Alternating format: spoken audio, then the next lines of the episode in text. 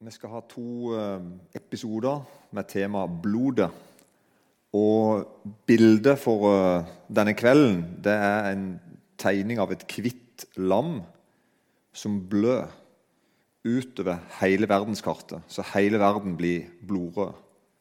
Ganske fint bilde. Blodet er temaet. Kjære Jesus, vær her i ordet ditt og med din ånd. Amen. Bibelen er genial. Det er 66 bøker som er skrevet over flere hundre år av forskjellige forfattere i forskjellige situasjoner og tilsynelatende kaotiske tider. Men det er alltid en tråd, alltid en helhet. Sånn er det særlig med blodet. Vi møter det gjennom hele Bibelen, fra første side til siste side i utrolig mange utgaver.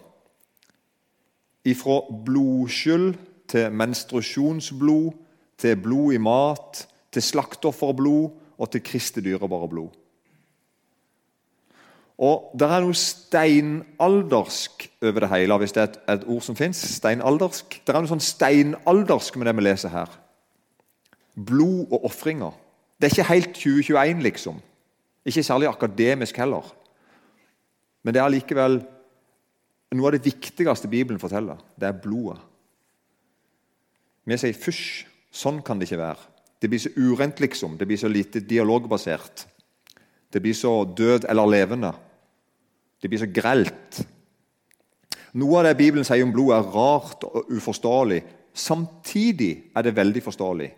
Det er veldig nært. Når vi ser blod, da mener jeg sånn i dagliglivet, når vi ser blod, så får vi en helt spesiell reaksjon.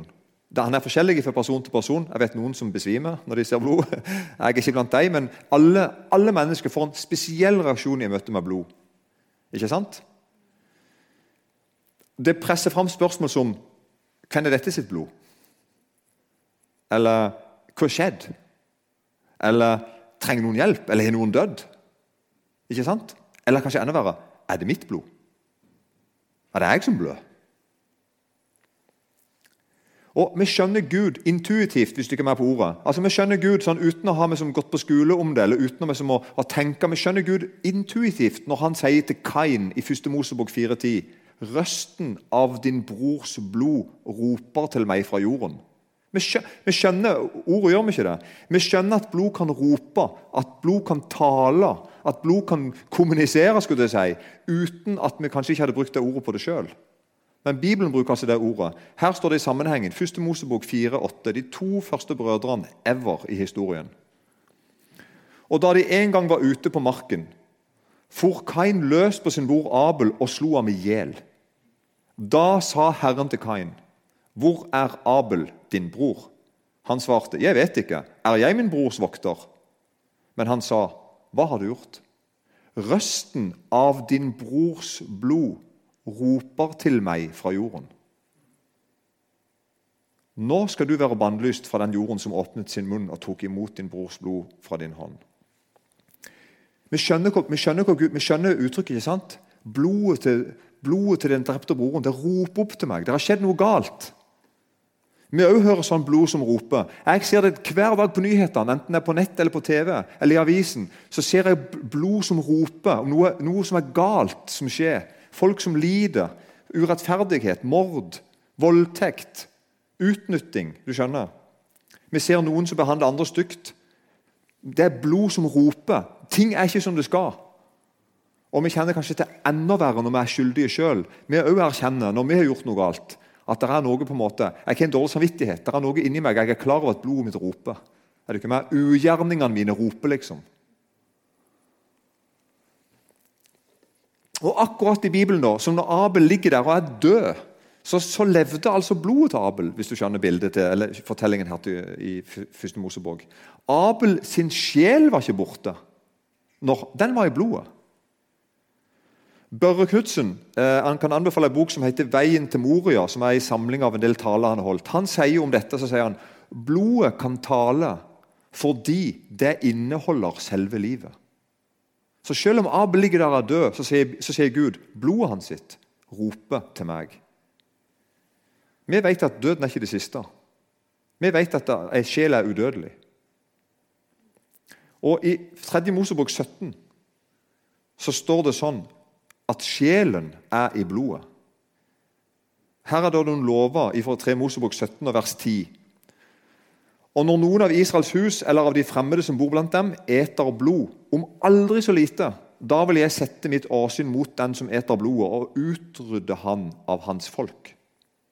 For kjøttets sjel er i blodet. Og jeg har gitt dere det på alteret til å gjøre soning for deres sjeler. For blodet er det som gjør soning, for, fordi sjelen er i det. For Derfor har jeg sagt til Israels barn ingen av dere skal ete blod. Så her ser vi at Gud har på en måte gitt blodet liv. Gud han gir alt det skapte til menneskene. Han skaper Adam og Eva, så gir han hele skaperverket til dem. på en måte. Bruk det, nyt det, dyrk det. Og De kan ete hva de vil, i utgangspunktet, men ikke blodet. Akkurat som at Gud sier 'det er mitt, det er livet'. Og til og med etter syndefloden, ikke sant? etter flommen, når Noah og kona og de tre sønnene og deres kone står der, så sier Gud at fra nå av kan du ikke spise kjøtt, men ikke blod. Det står sånn i 1. Mosebok 9,3.: Alt som rører seg og lever, skal være føde for dere. Liksom jeg ga dere de grønne plantene, gir jeg, gir jeg dere alt dette. Bare kjøtt med dets sjel i, dvs. Si blodet, skal dere ikke ete. Og Sånn er det i hele Gamle testamentet. Må ikke ete blod. Og så likevel Jeg skal være ikke blod, strek, men blod. I 3. Mosebok 3 så la vi at, at Gud sier for kjøttets sjel er i blodet, og jeg har gitt dere det på alteret til å gjøre soning for deres sjeler. Så da er mitt poeng her at det, det Gud sier at de ikke kan ha altså Blodet på en måte, det betyr skam, skyld, straff, dom, Guds vrede. er dere med? Ikke kom nær det. Samtidig betyr blod soning, sier altså Bibelen. Det motsatte. Altså frimodighet, renhet, frihet, Guds velbehag. Veldig sånn rar ting. Veldig rart. Og Derfor ser vi at livet, altså blodet, som tilhører Gud, og som vi ikke skal ta, det gir han noe. Det er det hele Gammeltestamentet handler om når det handler om ofringer.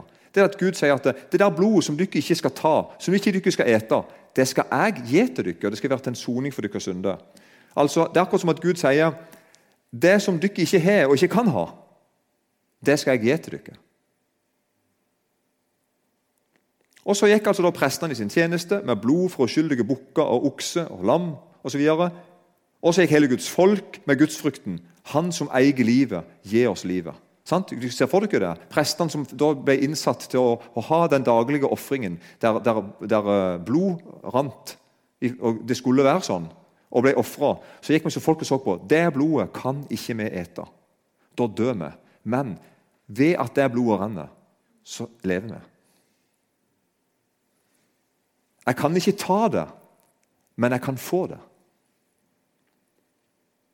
En av de mest kjente fortellingene i Bibelen i Gammeltestamentet det må være i, i fra 2. Mosebok kapittel 12. Når Moses har gått til farao og sagt 'Let my people go', og han har sagt nei, og så har det da skjedd ti landeplager som farao har på en måte blitt forherda. Han slipper ikke folket, og til slutt kommer den siste store, der Gud sier at i natt skal, jeg, skal en dødsengel gå gjennom landet og slå i hjel alt førstefødt. Men det er en redning, og det er et blod. Og Så leser vi fra 2. Mosebok kapittel 12 og vers 5. Det skal være et lam uten lyte, altså helt, feil, eh, helt uten feil. Av hannkjønn, årsgammelt. Et lam eller et kje kan dere ta. Dere skal ta vare på det til den 14. dagen i denne måneden. Da skal hele Israels samlede menighet slakte det mellom de to aftenstundene. Så skal de ta av blodet og stryke på begge dørstolpene og på den øverste dørbjelken på de hus hvor de eter det. For samme natt vil jeg gå gjennom hele landet Egypt og slå i hjel alt førstefødt i landet Egypt, både folk og fe. Og over alle guder i Egypt vil jeg holde dom. Jeg er Herren. Blodet på de husene hvor dere er, skal være til et tegn for dere. Når jeg ser blodet, vil jeg gå dere forbi. Intet dødelig slag skal ramme dere når jeg slår landet Egypt. Dette har vi hørt før, mange av dere. En kjent fortelling. Og Her er så, da særlig vers 13. Gud sier sånn Blodet på de husene hvor dere er, skal være et tegn for dere. Og så sier han når jeg ser blodet, sier Gud, vil jeg gå dere forbi. Så altså, blodet er, er for oss et tegn. Jeg, hvis jeg hadde bodd samtidig med dette her skjedde, og hadde stått, på, stått og sett på at dere hadde gått ut og slakta lammet og stått og strykt blod på dørstokkene deres, ikke sant? så hadde jeg forstått dette er et tegn. Hva da? De som gjør det, frykter Gud. De som gjør det, de tror på Guds ord. Jeg på en måte, og det, når jeg gjorde det, så hadde du ikke sett på at jeg klynger meg til Guds ord. Setter, setter håpet mitt, setter liten min til Guds ord. Og det er blodig alvor, bokstavelig talt. Så for oss er det et tegn. Og Sånn er det i dag òg.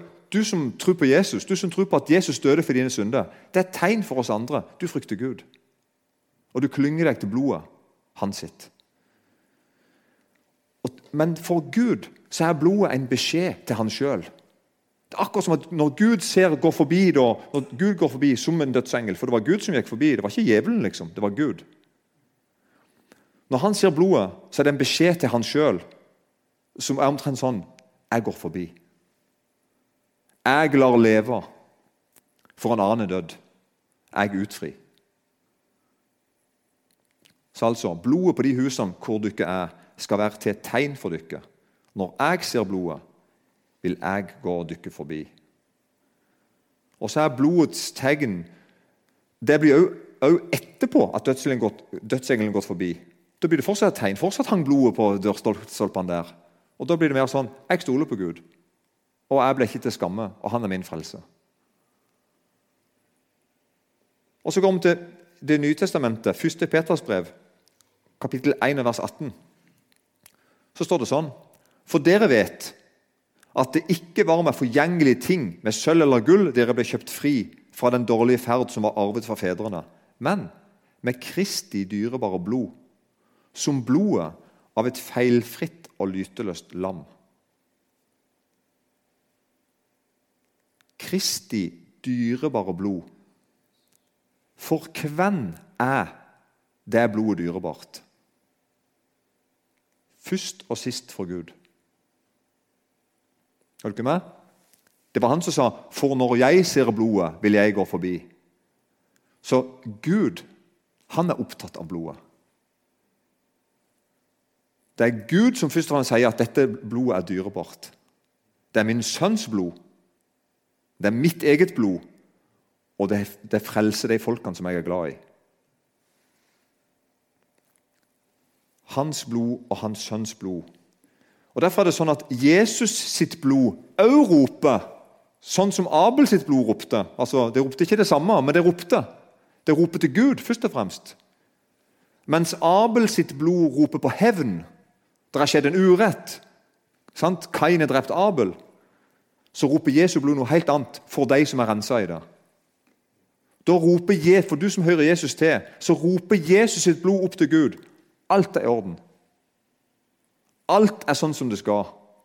Ingenting mangler. I Brevbrevet 12,24 så står det om Jesus. Mellommannen får en ny pakt, og til bestenkningens blod som taler bedre enn Abels blod. Så Her sier hebreerbrevet òg det er et blod som roper, og det, og det snakker bedre ja, enn Abels sitt blod. Og bestenkningens blod, hva er det for noe? Så Jeg bare fant en plass her i 2. Mosebok 24. Det er når, når Gud inngår en pakt med israelsfolket etter de har gått ut av landet Egypt. Så hadde de brennoffer, slakteoffer, fredsoffer, og okser ble slakta osv. Og, og så bare hopper vi rett inn i en dramatisk situasjon i 2. Mosebok kapittel 24 og vers 7. Så tok han paktens bok og leste Dette var Moses, da. Så tok han paktens bok og leste den opp for folket, og de sa:" Alt det Herren har sagt, vil vi gjøre og lyde. Da tok Moses blodet og stenket det på folket.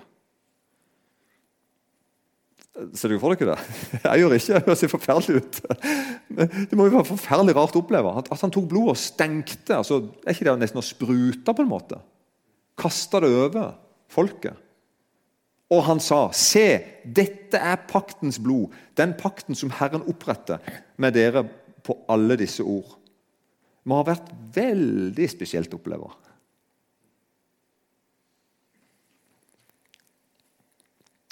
Og Så leser vi videre da, i 3. Mosebok 16. Det som vi, da leser vi om den, den store forsoningsdagen. Og Da skal altså ypperstepresten gå inn i det aller helligste. Det skulle jo bare skje én gang i året. Da skulle en, en øverste prest bare én, én gang i året gå inn i det aller helligste. Og i det aller helligste der der skulle, bære, der skulle først Aron i dette tilfellet da, bære fram et sonoffer for Gud. Så står det i 3, 3 Mosebok kapittel 16 vers 11. Når Aron fører fram sin egen syndofferokse og gjør soning for seg og sitt hus, skal han først slakte syndofferoksen. Poenget mitt er å si at Aron ikke, han, han, kunne ikke gå inn i det aller helligste sånn uten videre.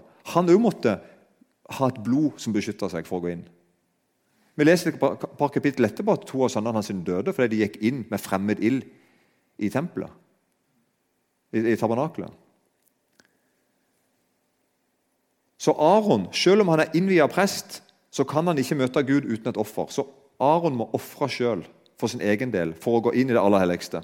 Og Når Aron da kommer inn i det aller helligste, så står det ei kiste der som er 1,2 meter ganger 0,7 meter. tror jeg. Ikke så svær sak, da som er laga på en helt spesiell måte av akasietre og gull. Og, og Lokket er laga av gull, og på et lokket står det to kiruber og passer på lokket. Inni den kista ligger de to steinene som Gud skrev med sin finger de ti bud på. Og så er det ei krukke med manna visstnok, og Aron sin stav, tror jeg. Inni den kista. Og når Aron kommer inn der og, i, i, og, og møter den paktens ark i det aller helligste, så er det det samme som å møte Gud sjøl. Det var sånn Gud kunne møte dem. Og Da måtte altså først Aron sjøl få blod, for et blod måtte beskytte han, måtte rense han, så han kunne gå inn der og overleve. Og så når han da kom inn der inne, så gikk han da inn og på Det lokket da, det er blitt på norsk eh, kalt for nådestolen. Det er det uttrykket, det, det, det, det ordet vi har brukt på det lokket til den paktens kister der. Og Så leser vi 3 Mosebok 16, vers 14 så skal han, altså Aron, da, ta noe av oksens blod og stenke det med sin finger på framsiden av nådestolen. altså det er lokket, ikke sant? Og Foran nådestolen skal han stenke noe av blodet sju ganger med fingeren. Deretter skal han slakte den bukken som skal være synder for folket, og bære dens blod inn for forhenget. Han skal gjøre med bukkens blod liksom han gjorde med oksens blod, og stenke det på nådestolen og foran nådestolen. Altså, blodet setter Aron i stand til tjeneste. Blodet setter Israel i fellesskap med Gud, og blodet skjuler dommen over alle menneskene. På en måte, Blodet kommer mellom meg og Guds dom på nådestolen.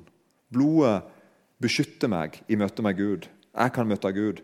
Og Så sier da Paulus i Romerbrevet 3,22.: For det er ingen forskjell.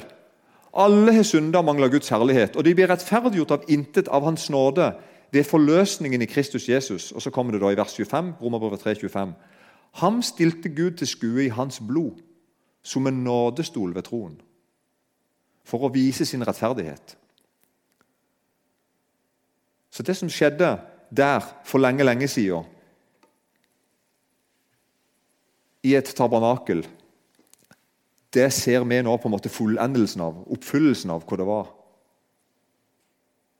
Det er Jesu blod som, gjør meg, som renser meg, og som som gjør meg i stand til å kunne møte Gud og overleve. Vi eier ikke livet, vi får det. Vi kan ikke ta blodet. Det må bli gitt til oss. Og Det ser vi veldig tydelig i Johannes 3, 16. For så elsker Gud verden. altså På denne måten elsker Gud verden. Hvordan da? At han ga sin sønn. Det er sånn det er.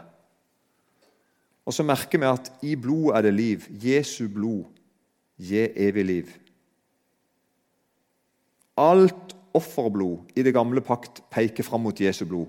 Alt offerblod du leser om i den gamle pakt, side opp og side ned, ser tilsynelatende rart ut og merkelig ut og groteskt ut. ikke vet jeg, all slags ting. I detaljer. Alt det peker fram mot Jesus sitt blod. Alle offersteder alle ofringer som er innstifta av Gud i den gamle pakt, peker fram på et, et endelig offersted som vi kjenner på navnet Golgata. Det er Guds store offersted.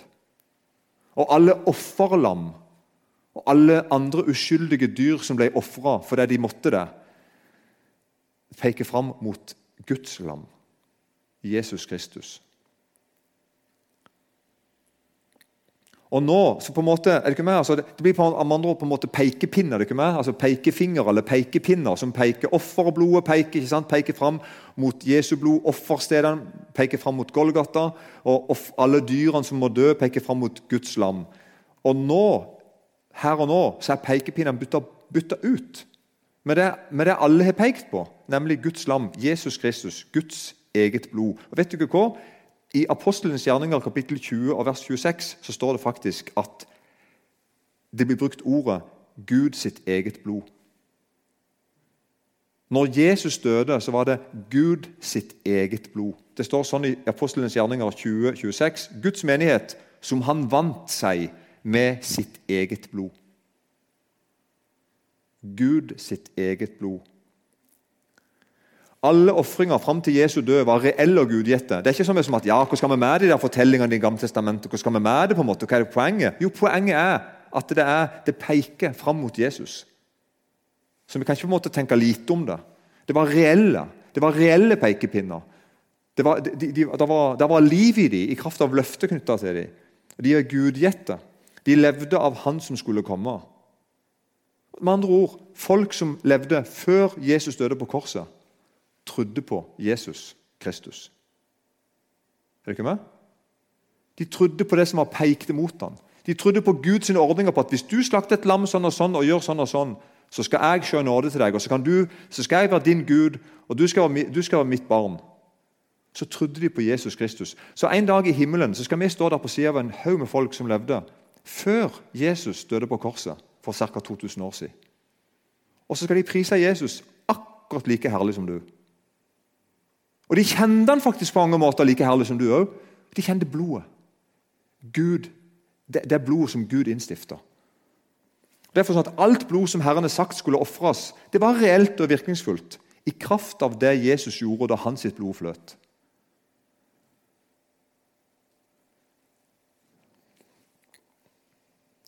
Kjære Jesus, velsigne det jeg har sagt for navnet ditt skyld. Amen.